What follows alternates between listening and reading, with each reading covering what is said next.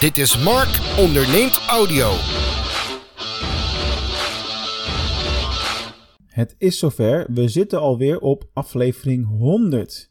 Ik had niet gedacht dat we alweer zo snel bij 100 eh, afleveringen zouden uitkomen toen ik uh, vorig jaar de opsplitsing had gemaakt tussen de DGOC Online Marketing Podcast en Mark Onderneemt Audio, waar je nu naar luistert natuurlijk. leuk om te merken dat ik het nog steeds tof vind om te doen. Daar leuke reacties op krijgen, dus mensen daar blij mee maken. En ja, dat is voor mij genoeg. Daar doe ik het tenslotte voor. Ik ga verder niet al te lang stilstaan bij het feit dat het aflevering 100 is, want ja, ik heb al met al misschien al wel 500 podcast afleveringen gemaakt. En, en dat is over verschillende kanalen verdeeld. Dus ja, het is maar een getal en het, het betekent verder niet zo heel erg veel. Althans, het doet niet heel veel voor mij.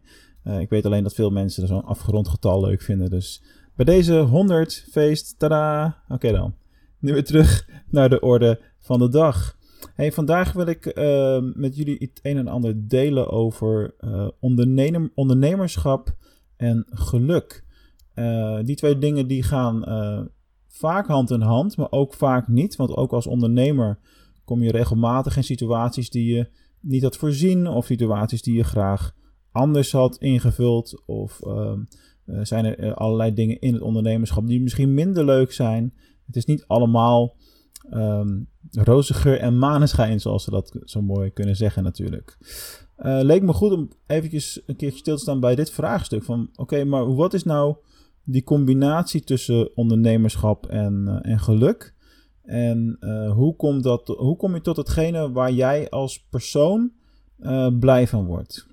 Nou, laat ik even heel kort beginnen bij mijn eigen ondernemersreis dan natuurlijk in dit geval. die is al zo'n 20 jaar onderweg. maar voor mij is persoonlijk het ondernemerschap aan zich is niet heilig ja, ik ben ondernemer en ja, ik ben dat ook al heel erg lang. Uh, maar in de tussentijd heb ik ook uh, banen gehad en ben ik daarnaast nog, uh, heb ik nog een webwinkeltje gerund. Mijn hobbywebwinkel bijvoorbeeld in de jaren dat ik bij, bij Read View werkte. tien jaar geleden ongeveer, tot tien jaar geleden. En natuurlijk ben ik nu alweer een jaar geleden ook parttime in dienst gegaan bij de Fontis. Nadat ik tien jaar lang geen baan meer had gehad. maar wilde ik gewoon heel graag dat ondernemerschap ook tonen binnen het onderwijs. Dus, wat, dus de combinatie van ondernemerschap en geluk voor mij is heel erg gekoppeld aan uh, doen waar ik blij van, van word. Um, als je het van een kleine afstand gaat bekijken en je gaat stilstaan bij de vraag: in hoeverre brengt ondernemerschap nou geluk? dan moet je toch concluderen dat het enige antwoord niet is. Want heel veel ondernemers worden ondernemer. Eigenlijk zijn er twee manieren om dat te worden. Eén is de gedrevenheid.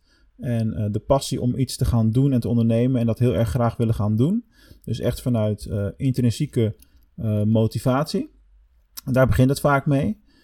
maar het is niet zo dat als die motivatie intrinsieker is, dat je altijd maar per se die ellenlange werkweken wil maken, bijvoorbeeld. Maar wat er dan wel bij hoort. En dat wordt dan zo ook verkocht. En ook verkoop je dat vaak als ondernemer aan jezelf. Maar goed, dat is een van de manieren om ondernemer te worden. En uh, de andere is, uh, wat je natuurlijk heel vaak ziet in tijden van, van crisis, als mensen hun baan kwijtraken. En dan rollen ze ondernemerschap maar in, omdat ze geen job kunnen vinden. Dat zijn vaak de ondernemers die dat niet doen vanuit ja, echt de intrinsieke motivatie en de, de grote mate van, van vrije wil. Die daarbij toch ook wel heel belangrijk is om, om echt te kunnen slagen natuurlijk. Um, maar laat ik vooral nu stilstaan bij wat, wat voor mij de combinatie tussen ondernemerschap en geluk is. En dat heeft heel veel te maken met dat ik als ondernemer voor een heel groot gedeelte zelf kan invullen wat ik doe en hoeveel tijd ik daaraan besteed. Het kost wel heel veel uh, tijd in eerste instantie om op dat punt te komen. Ik bedoel, ik ben ook al zeker tien jaar nu weer bezig natuurlijk, als, als ondernemer zijnde dan.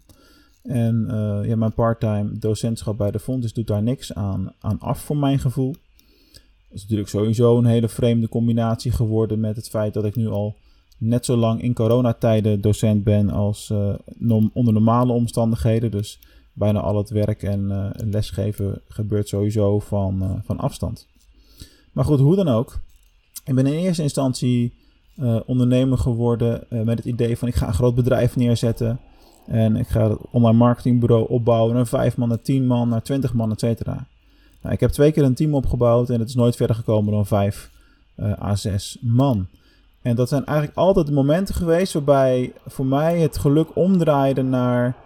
ehm, ja, ik moet naar mijn werk en ik ben niet meer zo gemotiveerd. En dan moet ik iedereen weer aansturen. En ik werd daar gewoon niet zo heel erg blij van. Op een gegeven moment ben ik dat gaan inzien. En ben ik dat ook gaan accepteren voor mezelf.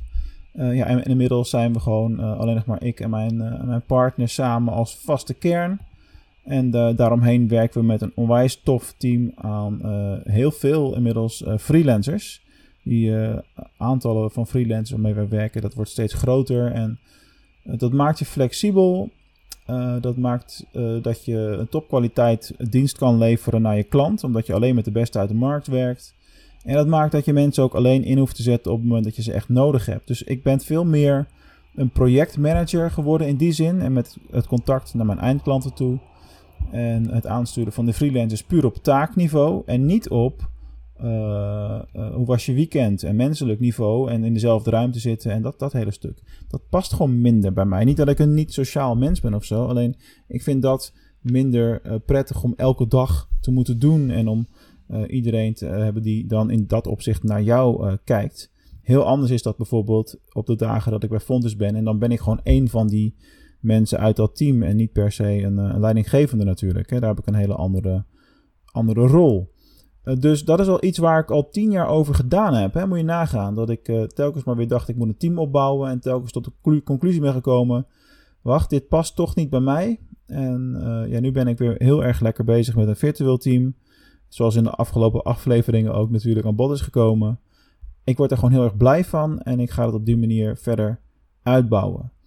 Um, financieel gezien uh, maakt het niet super veel uit. Hè, want uh, freelancers zijn per uur natuurlijk weer een stuk uh, duurder. En werknemers niet. Maar die hebben weer andere problemen. Mensen ziek of vakantie. Ja, problemen. Maar andere uitdagingen. Ziekte of vakanties. En andere redenen om afwezig te zijn.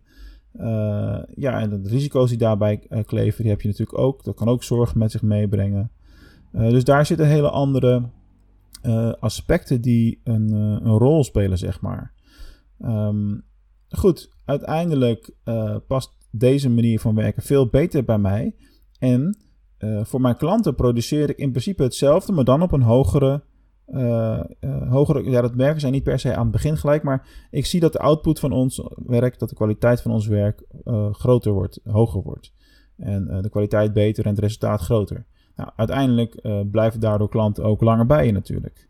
Dus voor mij is een onderdeel van gelukkig zijn in het ondernemerschap, specifiek dan, hè, want daar gaat het vandaag over, is dat ik het op zo'n manier indeel dat ik daar zelf heel erg blij van word en dat ik eigenlijk alle dingen, of bijna alle dingen die ik in mijn onderneming doe en die ik mag doen, dat ik die ook echt uh, erg leuk vind om, uh, om te doen.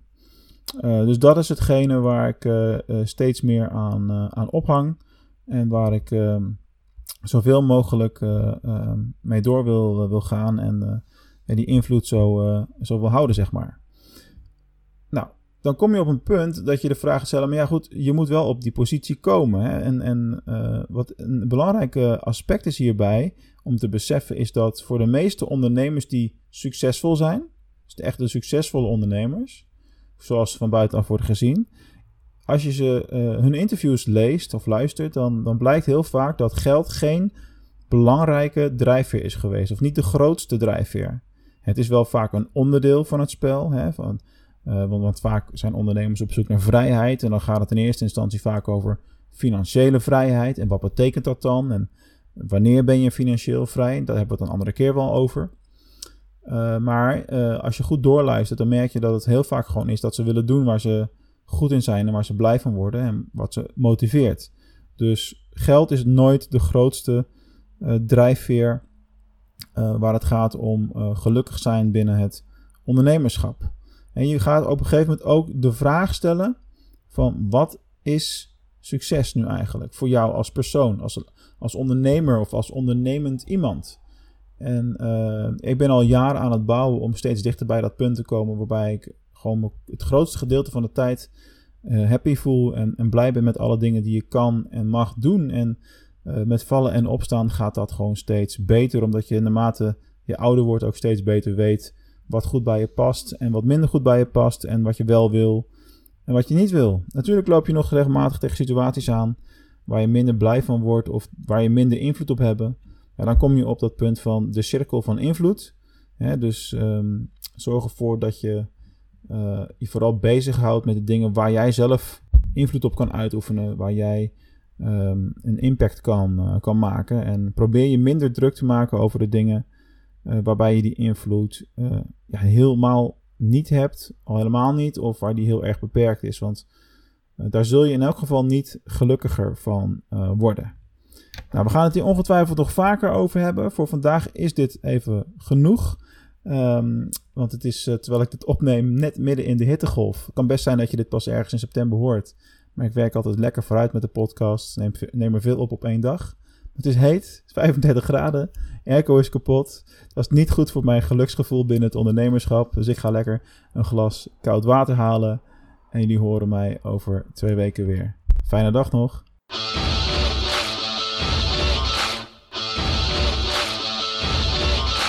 Hey, wat tof dat je weer hebt geluisterd naar een aflevering van Mark Onderneemt Audio. Nou, ben je ook zo blij met alle gratis content die je via deze route van mij krijgt? En zou je ons een onwijs groot plezier willen doen en ook vooral heel veel anderen willen helpen om deze content ook te ontdekken? Laat dan een review achter in de Apple Podcast app op het moment dat je een Apple gebruiker bent en in een van de andere podcast apps voor Android gebruikers. Want daarmee help je ons enorm. Daardoor worden we beter zichtbaar in de stores uh, waar ze gratis te downloaden zijn. En zorgen we ervoor dat steeds meer mensen naar deze content kunnen gaan luisteren. Dus laat ons weten wat je ervan vindt. En ik lees ze natuurlijk zelf ook allemaal en waardeer jouw input enorm. Dankjewel en tot de volgende aflevering.